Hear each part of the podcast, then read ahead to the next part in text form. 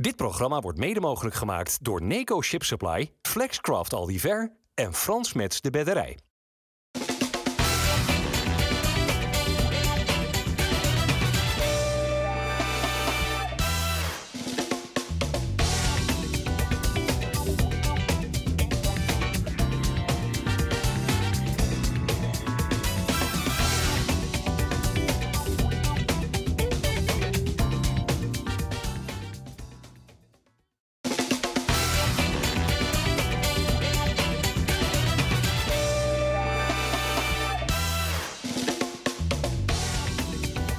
Goedendag dames en heren, hartelijk welkom bij FC Rijnmond. Op deze maandag hebben wij een eh, mooie tafel kunnen samenstellen met eh, Adrie Poldervaart onder andere. Welkom Adrie.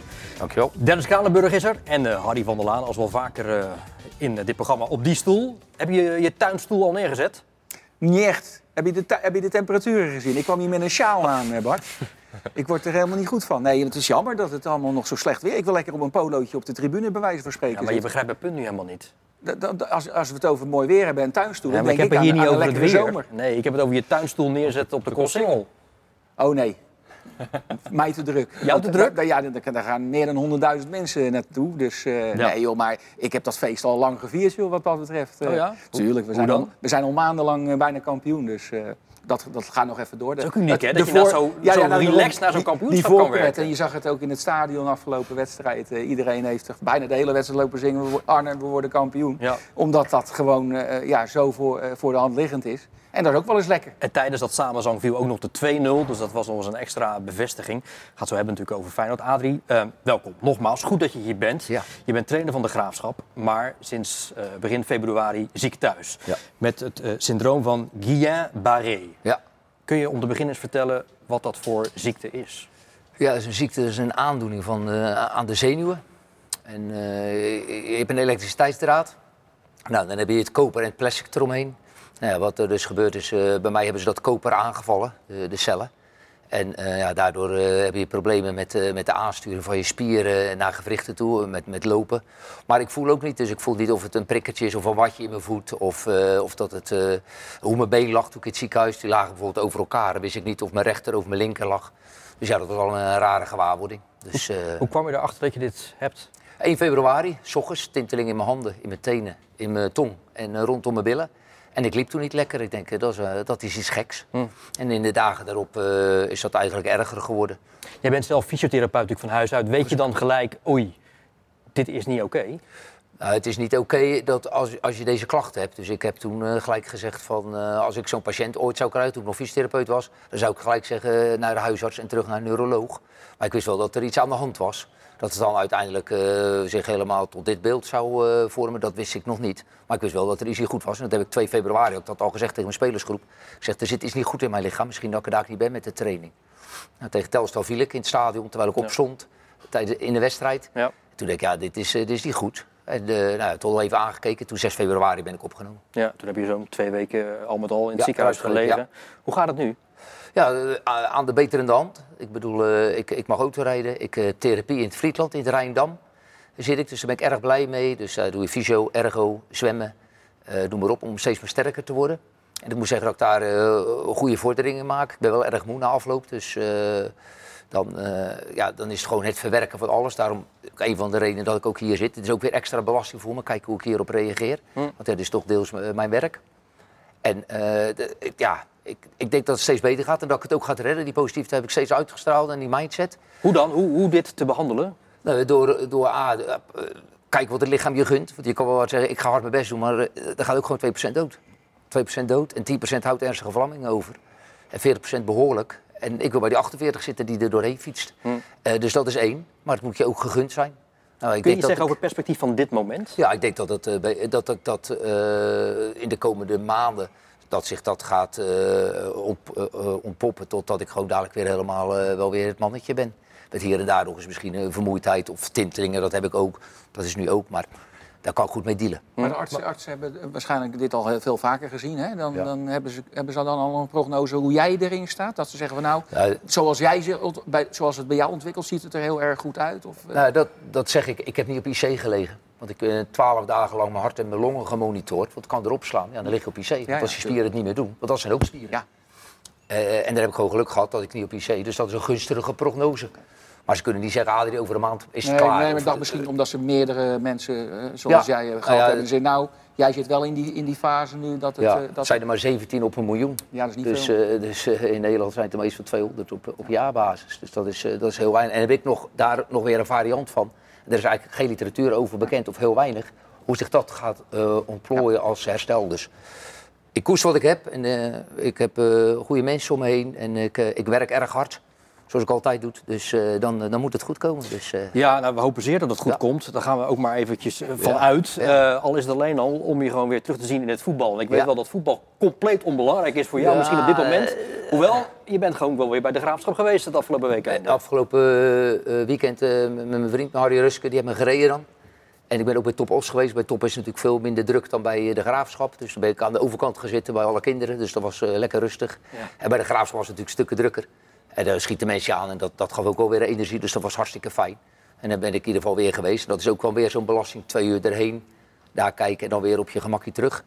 Dus eh, dat zijn allemaal stapjes die ik neem. En dan ga ik maar kijken hoe ik daarop ga reageren. Maar... En die, die, die, die uiteindelijk laatste stap, namelijk weer voor die groep staan. eh, Heb jij daarvoor al een beeld voor ogen wanneer dat zou kunnen? Zeggen de artsen daar iets over? Ja, Eh, ja, dat doe ik dan met, de- met de therapeut en inderdaad met de arts. Nou ja, goed, je doet er steeds wat bij. Dus de eerstvolgende stap wordt s ochtends bij een trainingsbespreking zitten en dan eh, een training kijken of zo. En dan, ja, dan probeer je dat bijvoorbeeld twee keer in een week te doen. Ja, daarin, moet je, daarin, moet je het, eh, daarin moet je het zoeken. Maar de stip aan de horizon is denk ik misschien het nieuwe seizoen. Dat Ja, je er dan weer helemaal bent. Dat sowieso, dat sowieso. En eh, ik hoop gewoon dat ik nog misschien nog wat eerder aan de bel kan trekken. Maar goed, misschien ben ik wat ongeduldig. Nou, nou, nou kent het voetbal ehm, wat lelijke gezichten. En, en dat zien we zeker de laatste tijd vrij regelmatig in de stadions. Maar het voetbal kan soms ook hele mooie gezichten ineens tonen. Wat merk jij daarvan? Nou, ik heb daar heel veel van gemerkt, ja. En eh, van de week vroeger bij mij, eh, kwam er ook uit regio 8 kwam dan bij mij thuis. Ja, eh, is de voetbal mooi? Ja, de voetbal is heel mooi. Hoor. Alleen wij met elkaar, media, trainers, spelers, support, wij maken het ook slecht, joh. Ja? Ja, maar wij maken, wij, het kan heel mooi zijn. Als ik, nou ik zit hierop, hè, maar ik krijg een shirt eh, van, van Feyenoord met sterke Adrie erachterop. Eh, Frank Boer is de teammanager, is een oud-speler van mij van Zwaluwen. Danny Buis had dat geregeld. Eh nou, we contact gehad met Arne, bedankt daarvoor. Nou, allemaal mooi. FC, Utrecht stuurt bloemen. Twente, ehm, ja, bijna elke BVO uit Nederland he- heeft wat gestuurd. Coöperatie Eerste Divisie stuurde mij een bos bloemen. Eh, Vitesse ineens drie cadeautjes, Arnhemse meisjes en een, eh, en, en een puzzelboekje. Onwijs veel kaarten uit het hele land. Maakte mensen die ik helemaal niet ken, ook die niks met voetbal hebben, maar wel bijvoorbeeld die ziekte hadden. Ja, dat, dat geeft ontzettend veel steun. En die mensen ben ik allemaal ontzettend dankbaar voor. En dat bedoel ik, daarom kan het ook heel mooi zijn. Ja. Eh, en ik denk dat we met z'n allen misschien net even ietsje meer ons best moeten doen om het wat mooier met elkaar te laten zijn. Dan kan je er veel meer van genieten.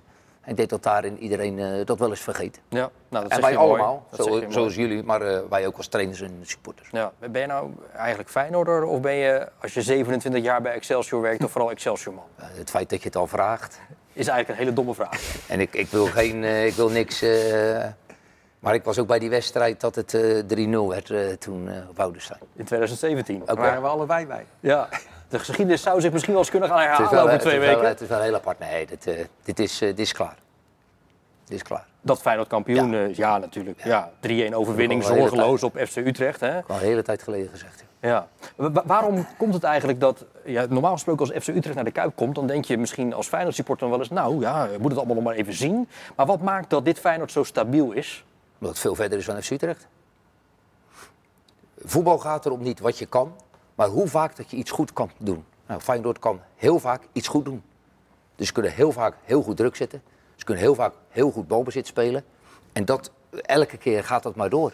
En dat, dat maakt het verschil. Maar de, Dus dat je dan- de grote kracht van Feyenoord van dit seizoen vind ik vooral dat het verdedigend klopt. En, en dat geeft zoveel rust aan een elftal. Want je gaat altijd kansen creëren. Ook tegen Utrecht, wat probeerde dan heel compact te spelen natuurlijk. Die waren eigenlijk alleen maar aan het tegenhouden. Maar vroeg of laat gaat die goal vallen. En je geeft vrijwel niets weg. En als het, er waren wat slordigheidjes in het begin. Pedersen die een keer een bal weggaf. Waardoor een schot van, langs de kruising vloog. Maar dat zijn echt, echt incidenten tegenwoordig en bij Feyenoord. opbouw, die opbouw natuurlijk één Ja. keer in de nee, maar 16. Ze, maar ze geven gewoon niks weg. Dat is het verschil tussen Ajax, PSV en Feyenoord. Daarom staat Feyenoord zo'n end los. Omdat ze de beste verdediging hebben. En dan heb ik het niet over die vier man achterin. Maar dan heb ik het over als elftal. Er is veel kritiek wel op de vleugelspelers. Maar verdedigend, ja, perfect. En op het middenveld staat het als een huis natuurlijk. Kukcu in een, in een bloedvorm. Een, een, een, een, hoe heet hij, eh, Wiever die zich stormachtig heeft ontwikkeld. En dan die krachtige verdeling. Kop, kopkracht, snelheid, alles is aanwezig.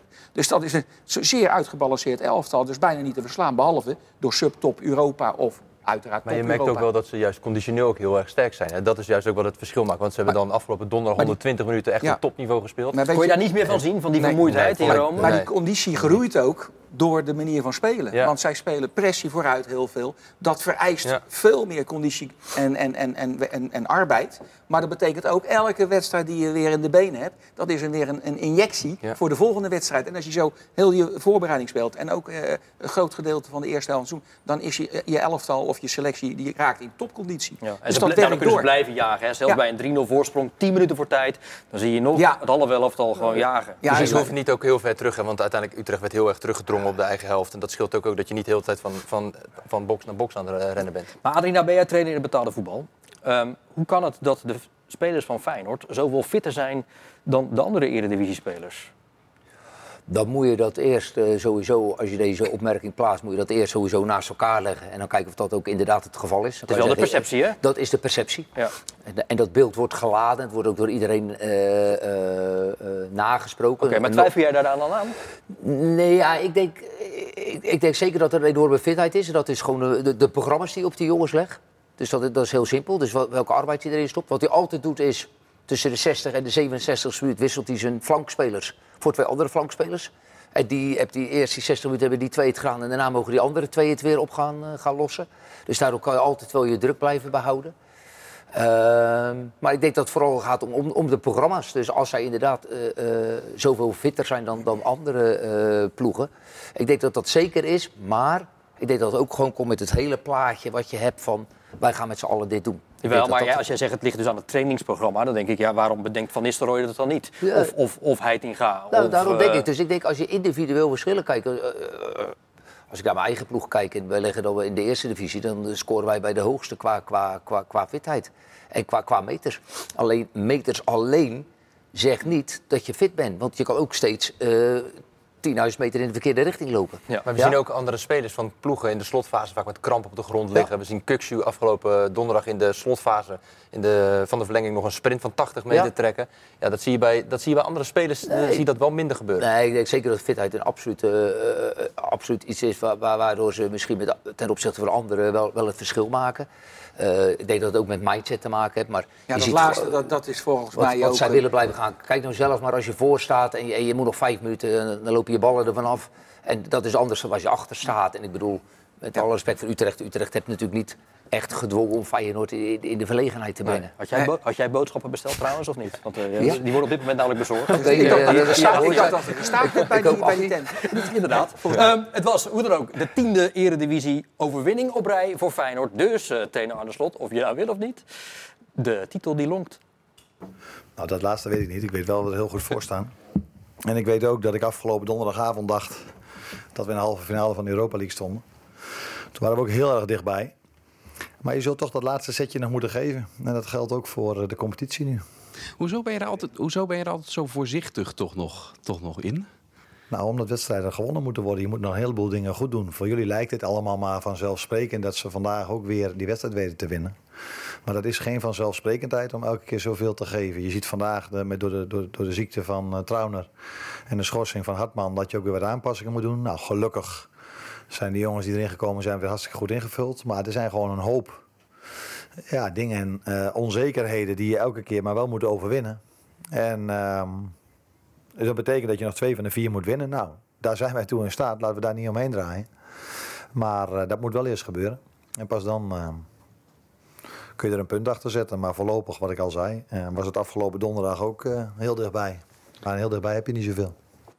Ja, zo blijft de trainer van Feyenoord eh, redelijk gereserveerd. Ehm, overigens niet tijdens wedstrijden. Hij was zeer uitgelaten bij die drie goals. Hij was ook weer eh, bijna ouderwets furieus tegenover de arbitrage Ja, zo dat is nu en dan. goed hoor. Dat, ik begrijp dat niet zo, zo beheerst als hij was na de wedstrijd tegen AS Rome. hè, Met een de waas van een Mourinho.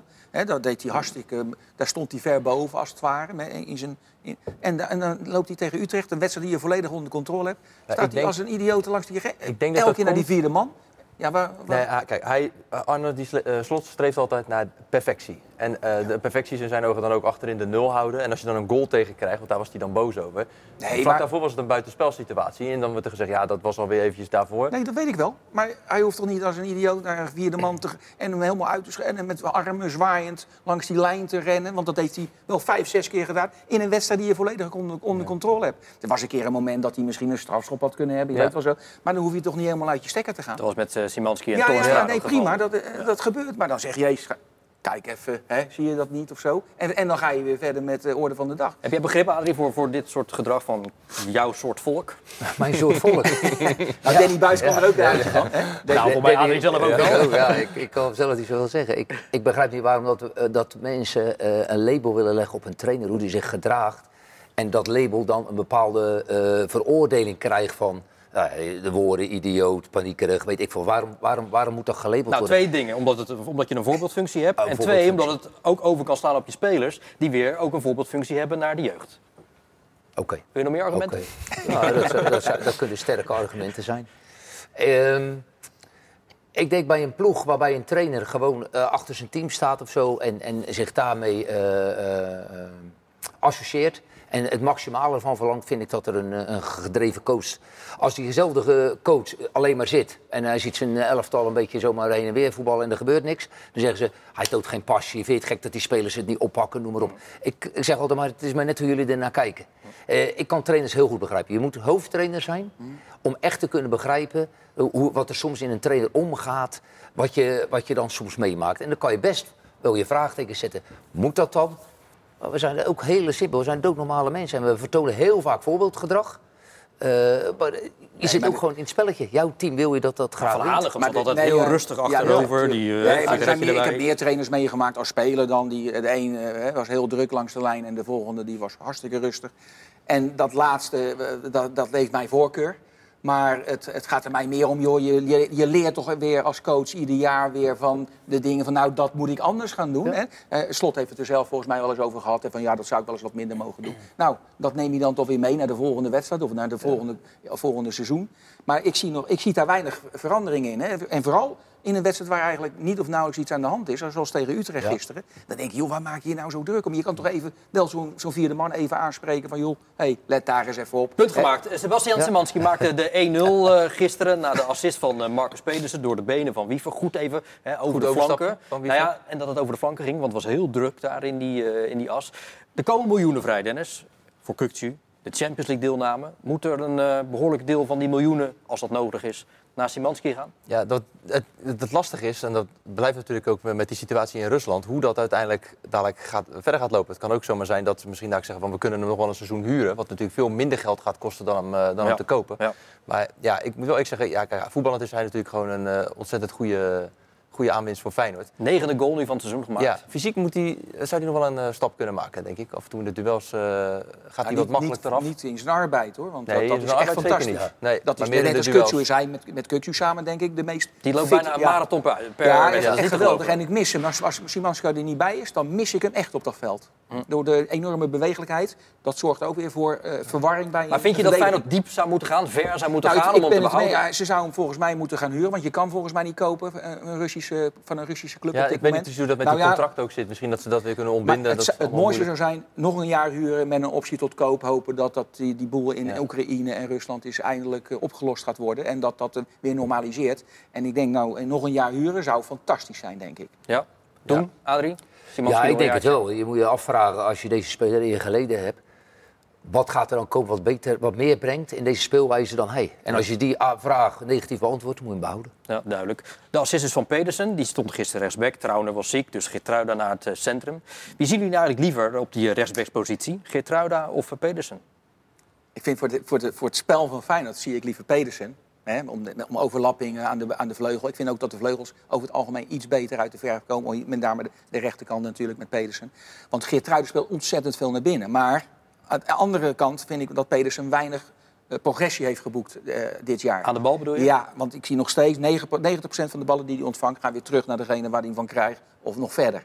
En dat vind ik toch heel irritant. Dat, dat opendraaien, dat, dat, eh, en dat, het inspelen van aanvallers, dat doet hij bijna nooit. Het is altijd schuin terug. En dat is wel irritant. Maar nou wel eh, eindelijk weer eens een keer een goede voorbereiding. Want zijn paarsing en zijn voorzet... Hij keek, hè? Ja, hij keek en het, het gaat er mij meer om van hij komt zo Je vaak zegt het in die- alsof het een, eh, hij, verrassing hij- is. Nee, maar hij Nou, komt ja. zo vaak in die situatie dat het rendement veel hoger moet zijn eigenlijk. En zeker in een ploeg die met, eh, met vlag en wimpel kampioen wordt. Hè, dan moet je nog veel meer dat kunnen doen. Dus dat is het enige wat ik vervelend vind aan Pedersen. Geert Truiden is betrouwbaarder wat dat betreft. In verdedigend opzicht en ja, aan de bal. Maar ja, ik, ik vind het wel lekker dat hij in, in die rechterhoek komt. En toch zie ik Geertruida liever in het centrum. Ja, natuurlijk. Nee, maar daar hebben, dat, dat Ja, zeg ik ook. Maar maar dan zit je met dat Trouwner dus en Pedersen rechts? Ja. Harry, wat ben je weer ongelooflijk in vorm. Je bent, je, je, je bent zo ongelooflijk aan het bewegen. Lijkt wel alsof je aan het waterpolo bent. Ik, ben, ik praat graag met mijn handen. Ik denk Italiaanse afkomst misschien wel. De 3-0 Maar- was van uh, Jaan Baks gisteren in eh, de Kuip. Mooi bekeken schot. Hoe wisselend is zijn vorm nog? Van Jaan Baks. Ehm, wisselend. Ik moet zeggen dat hij de laatste tijd wel een progressie heeft gemaakt. Want hij heeft meer van zulke goals nu van buiten de 16 gemaakt. En hij maakte een paar, paar goede goals. Volgens mij eh, nog een keer met zijn kop dat hij natuurlijk naar binnen kwam. Hij maakt altijd mooie goals. Daarom. En eh, daarvoor heeft hij dat niet gehad. En dat is... Net werd er gezegd van ja, de buitenspelers eh, die fluctueren nog een beetje ten aanzien van het niveau. Ja. Ehm, nou, ik zit met een aantal echte Feyenoorders in, eh, in, in groepsapps. En dan geef ik dat ook wel eens aan. En die zei ja joh, maar met deze buitenspelers hebben we al veel meer rendement dan vorig jaar. Ja. En al vorig jaar gewoon Sinisterra, die van de week inviel bij Leeds. De stad zegt ook wel iets over, over hoe ver Nou, het Ah, team... die speelt meestal wel basis. Ja, hoe ver, het- hoe ver het team nu... Nee, maar ik wil alleen maar aangeven die inviel. Maar hoe ver het team nu gegroeid is. Ja. Maar had- rendement. Was iemand met heel veel eh, rendement hoor. Dus dat kan je niet vergelijken met die drie. Ja, en een individuele actie. Ja, ja, ja. Nee, maar ook rendement. zou, goals en, ik- en- dan lieg ik met, eh, met permissie. Maar degene die ik spreek, die, eh, die heeft de statistiek uitgevonden. Die Ja. zegt dat de, dat de maar die buitenspelers een hoger rendement Nee, dat hebben is, dat is correct. Dat hebben wij bij. Rijnmond ook Ja, ja, ja, maar die Dat statistieken, dat, die, daar veeg ik mijn kont nou tegenwoordig niet af. Daar word je helemaal gek van. Nee, maar dan kom je met... nee, nou, oh, oh, daar word je helemaal gek in van. de schaal, die Nee joh, maar dat, dus, ik zag ook met de keeper van Excelsior, geweldige keeper, weer een fantastisch wel. Ja. 158 reddingen Ja. wordt er dan gezegd. Ja, Ja, ja. dat, dat zijn 40 reddingen en 128 keer of hoeveel, 118 keer schieten ze een bal recht op hem af. Nou, maar dat noemen ze, ja nee joh, maar dat, dat- die houden jij en ik ook tegen. En jij kan geen eens bij de lat, Bart. Dus wat dat betreft, nee, nee, maar, nee maar dat is echt zo. Dus de, de- die, die sta- statistiek, ik zag weer een, een, een paasje van iemand eh, te- bij AZ geloof ik. Die legde hem breed ergens op het middenveld en die schoot hem in de bovenhoek. Ja. Was een assist, zeiden ze. Wat is dat nou voor gelul, joh? Dus die statistieken moeten ze echt mee stoppen. Dat is dan vanuit Amerika komen over waar je hebt nou overal statistieken van. Je wordt er helemaal gek van. Ik erger me trouwens wel aan meer dingen. Hoor. Dat is me niet Oh, dat, eh, Nee, ik zou wel graag willen weten wat je nou eigenlijk van statistieken vindt. Maar helaas komen we daar niet aan toe. We waren bij Jaan Baks gebleven. Ja. Die dus de, de 3-0 maakte. Even over ja, zijn eigen visie, over zijn functioneren. En ook over zijn nabije toekomst bij Feyenoord. Dit is gewoon mijn tweede seizoen hier. Ik ben erg blij hier. Met die mensen, supporter binnen de ploeg, met mijn teamgenoten, met de staf, iedereen. En ik, ik voel me thuis, eerlijk zijn. En, eh, maar in de toekomst, ja, we zullen zien. Je weet nooit wat gaat gebeuren. Gewoon zes, zes, ja, een paar maanden geleden, er was een mogelijkheid voor mij om weg te gaan. En eh, ik wilde echt graag gewoon er blijven. En eh, ik wilde gewoon, ja, natuurlijk wat te winnen met, met deze mooie club. En nu hebben wij de kans. En, eh, en over een maandje of twee maanden, dan weet, je, dan weet je nooit wat gaat gebeuren. Maar nu ben ik gewoon vol focus op Feyenoord. Goed, gaan we dat zien, hoe eh, zijn nabije toekomst eh, eruit gaat zien. Nog één, wedstrijd, of één ding over die wedstrijd van gisteren, Adrie, tussen Feyenoord en Utrecht. Weet je hoeveel overtredingen Feyenoord in de Kuip heeft gemaakt? Ja, dat is ook bij mij doorgecijpeld. Nul. Nul. Eh, zegt dat iets over Feyenoord of zegt dat iets over Utrecht? Ik denk beide. Want ik vond eh, Feyenoord in de omschakeling heel vaak toch heel goed op de bal. En dat betekent dus dat ze de bal veroveren. Want ja, je kan wel een overtreding maken, maar dan heb je nog steeds geen balbezit. Nee. Nee, Dus ik denk dat zij dat gewoon heel goed gedaan hebben. Ik had niet het idee dat Feyenoord de duels vermeed. Nee, hè? Dus, verre dat- van dus, dus, dus ze zijn ook in, in, eh, in het opstellen van elkaar, hè? het positioneel de- eh, verdedigen. Dat was ook hartstikke goed. Nog even terugkomen met wat ik net aan jou Baks heb. Want je gaat volgend jaar Champions League spelen. Hè? En dan kom je toch echt in de problemen met deze voorhoede. Hè. Dus daar zal, ik hoop dat ze toch wel al... Maar Pashao ontwikkelt zich misschien wel, eh, wel, maar is voldoende. nog een klein ventje. Dan moet je maar afwachten of die... Wat of is er mis het- met kleine ventjes? Nee, maar of die wel dat niveau aan kan, hè, dat is allemaal nog helemaal niet duidelijk. Maar het is wel een jongen met talent. Maar beide vleugels hebben in de grote wedstrijden hebben het, hebben het moeilijk. En dan ga je in de Champions League ga je nog een stap in. Want AS Roma, dat is subtop Europa. Nou, ja, nou, ik- er zitten nog een paar ploegen boven AS Roma in Italië. Hè, dus, paar, dus dat is niet voor niks. Dus, nee, maar dat is, zo moet je toch weer, weer zien. En, en en als, dat, als dat Champions League niveau is, AS Roma, dan zie je ook al dat je voorin tekort komt. En Jiménez is een, een talentvolle spits, maar hij heeft wel aanvoer nodig vanaf de vleugel. Dat is een echt ouderwetse spits. Als de PSV over twee weken op bezoek bij Sparta niet wint... en op de zondag Feyenoord wint bij Excelsior... dan is Feyenoord al kampioen. Is dat het scenario wat je ook wel voor je ziet? Of denk je dat PSV op het kasteel wel gaat winnen? Misschien ook wel een beetje indachtig hun vorm van dit moment. Het, ik zou, het zou sowieso leuker zijn als Feyenoord gewoon thuis tegen Go Ahead natuurlijk kampioen worden. Ja, een in, een volle, in een volle kuip. Ja. En dat, dat, dat Ajax en PSV gewoon nog even hun, hun, hun, hun, overwinning Maar je, pakken. je vindt toch niet dat Feyenoord Excelsior punten moet gunnen? Ja, vind ik wel. Wat zeg je dat, nou? dat wel. Hè? Dat zou wel fijn zijn natuurlijk. Dat, eh, Voor het, Feyenoord... Ro- voor het Rotterdamse Ja, voetbal. natuurlijk. Ik, ik, ik, heb nou toch liever dat Emmen Nee, je, degradeert. je moet pakken wat je kan pakken. Als je, als je, maakt niet uit op welke dag of waar, bij wie, als je kampioen kan worden, moet je kampioen worden. Klaar, dan moet je niet naar de tegenstander kijken. Nee, maar het zou niet erg zijn als het in de Kuip zou eh, gebeuren Dat tegen Go Ahead. maar dat is mooi, ik zou het eh, helemaal niet erg vinden als Excelsior, eh, ja, bij wijze van spreken, eh, dankzij Feyenoord eh, in de eredivisie kan blijven. Want eh, Feyenoord moet nog tegen Emmen, wat belangrijk is voor Excelsior. En Excelsior moet nog tegen Feyenoord. Dus, dus er zitten wat punten te verdelen nog. En ik vind, je kan toch beter 5 kilometer reizen voor een uitwedstrijd dan, dan 300 kilometer. Wat, wat, wat denk je toch wel lekker praktisch, Harry? Ja, Eh, nou- we, we hebben ook nog even een rondje gedaan langs wat eh, supporters. Het kan dus 7 mei worden uit bij Excelsior... of anders een week, thuis, een week later thuis tegen eh, Go Ahead Eagles. Dus even kijken wat er de voorkeur heeft. Zo snel mogelijk de titel winnen. ja, absoluut. Zo snel mogelijk. dat is veiliger. Het, het is, het blijft Feyenoord, hè? Wat ik er nu op kan zeggen is dat we over een paar weken op de koolsingel staan en helemaal gek gaan. Dus eh, dat komt helemaal goed, dus eh, dat weet ik zeker. Zo snel mogelijk binnen. En waarom? Nou ja, dan ben je er mooi vanaf, hè? Killing aankloten daarna. Nou, zo snel mogelijk die titel winnen natuurlijk. Waarom? Ja, eh, ze hebben al twee dingen verloren, dus dan moet dit toch wel uh, gauw naar binnen. We weten hoe we zijn bij Feyenoord. We denken altijd dat het nog mis eh, gaat. Dus als hij binnen is, dan is hij binnen. En dan kunnen we daarna nog een wedstrijdje of vier eh, feest vieren. Het is acht punten, hè? Het is acht punten, is niet veel. Dus, Vijf wedstrijdjes. ja, maar je moet ze nog halen, hè? En de bal is rond. Ja, je moet ze halen. Ja, maar we gaan ze halen. Zeker weten. Moet je nog een jaar blijven, Slot? Ja, ik denk het wel. Ja. Een oproepje doen? Nou ja, Arne, blijf, Arne, blijf alsjeblieft jongen. We hebben je nodig hier in Rotterdam. En eh, ik, ik begrijp ook wel, als Feyenoord nog 50, 60 miljoen voor je kan vangen... dan mag je misschien wel gaan, maar anders 100% blijven. Hey. We blijven even. Een tijdje.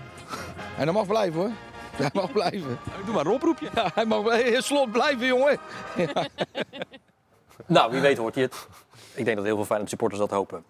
Eh, een echt voetbalspektakel was het gisteren in Enschede, Harry. Bij eh FC. Twente tegen Sparta. 3-3. Sparta twee keer teruggekomen van een, was- eh, van een Dat achterstand. was de leukste wedstrijd van, van het weekend. Was het punt ook terecht voor Sparta? Ja, dat, dat, dat, dat denk ik niet. Ik vond Twente wel wat beter, hadden meer recht op een, op, op, op een overwinning.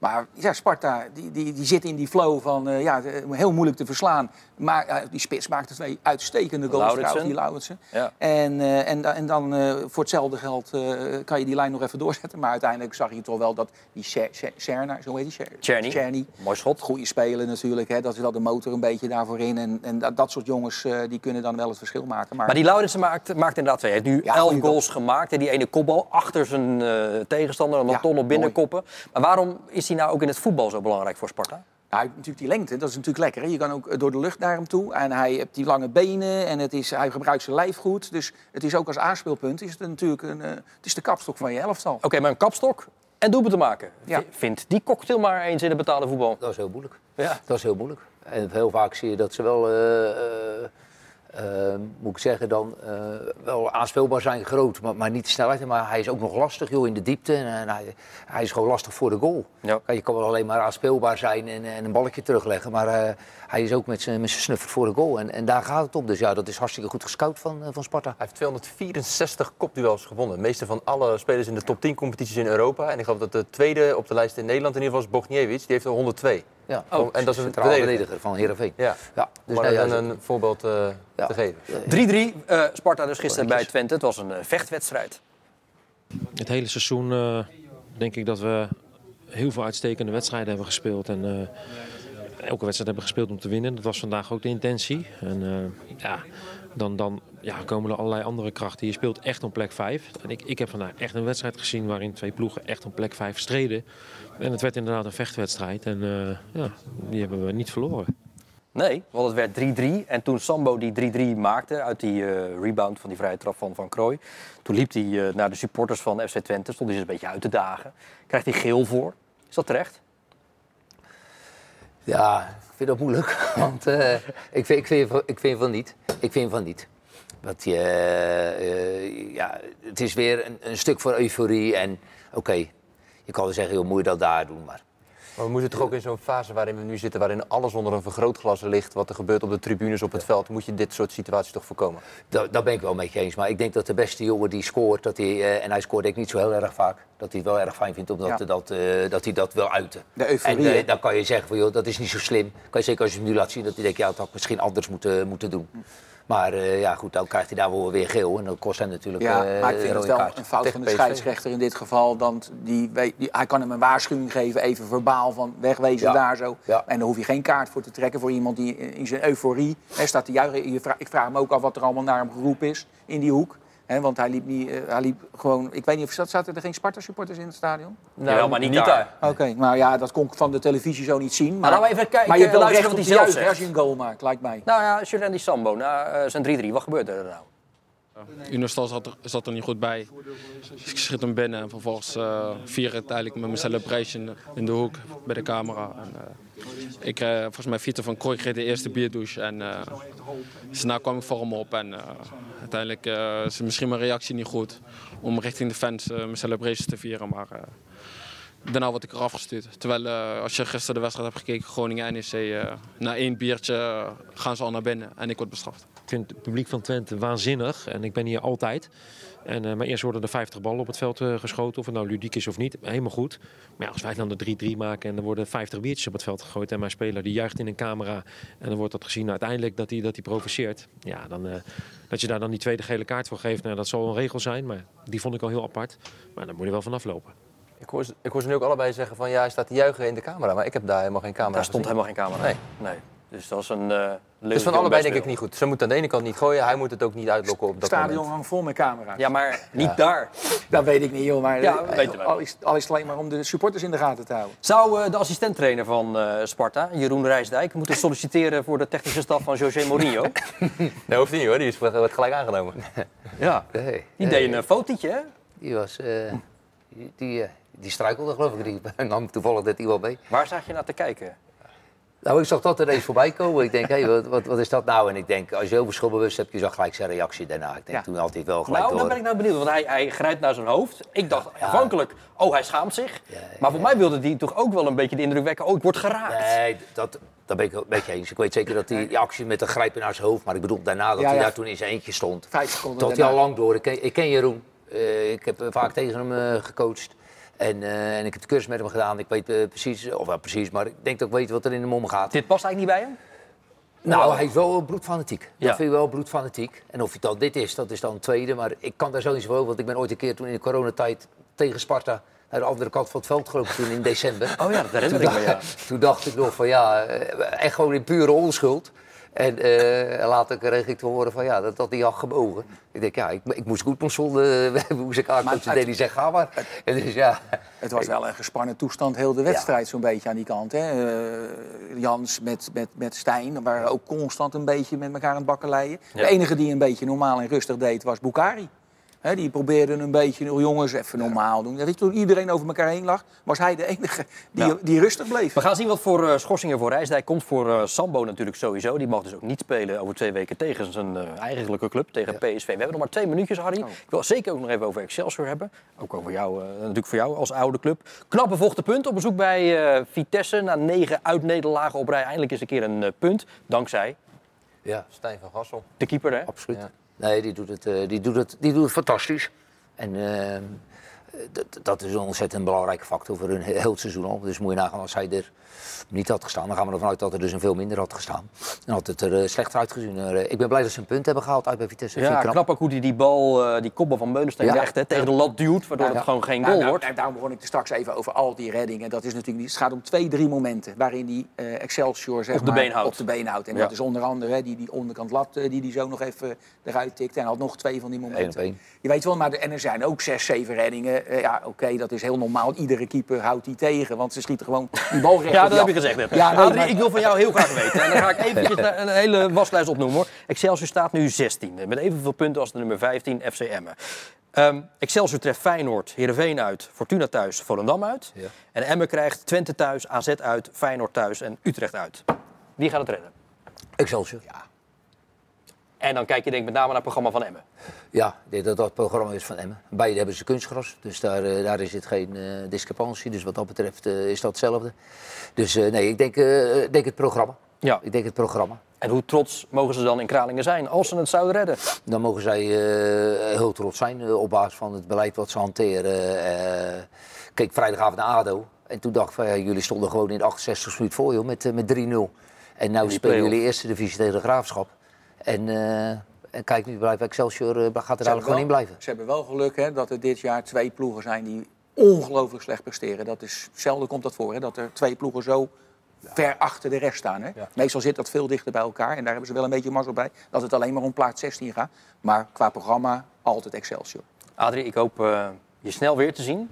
Het liefst aan deze Dank tafel, want dat ja. bevalt me. Maar dat Dank je dan wel. weer volledig in functie bent. Dat Zullen we die afspraak met elkaar maken? Dat, uh, bij deze dan? Graag. Bij deze, uh, of dat over een paar weken is. Of misschien dan na de zomerstop. Dat je gewoon weer Weet helemaal weer de Adrie bent. Dat gaat lukken. Dat Zoals gaat. je volgens mij nu ook wel bent, maar dat je je ook weer zo voelt.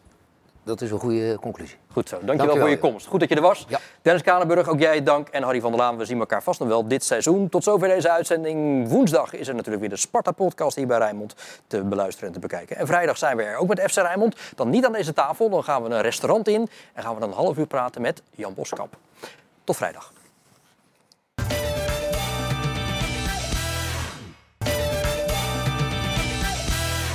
Dit programma werd mede mogelijk gemaakt door Neco Ship Supply, Flexcraft Aldiver en Frans Mets de Bedderij.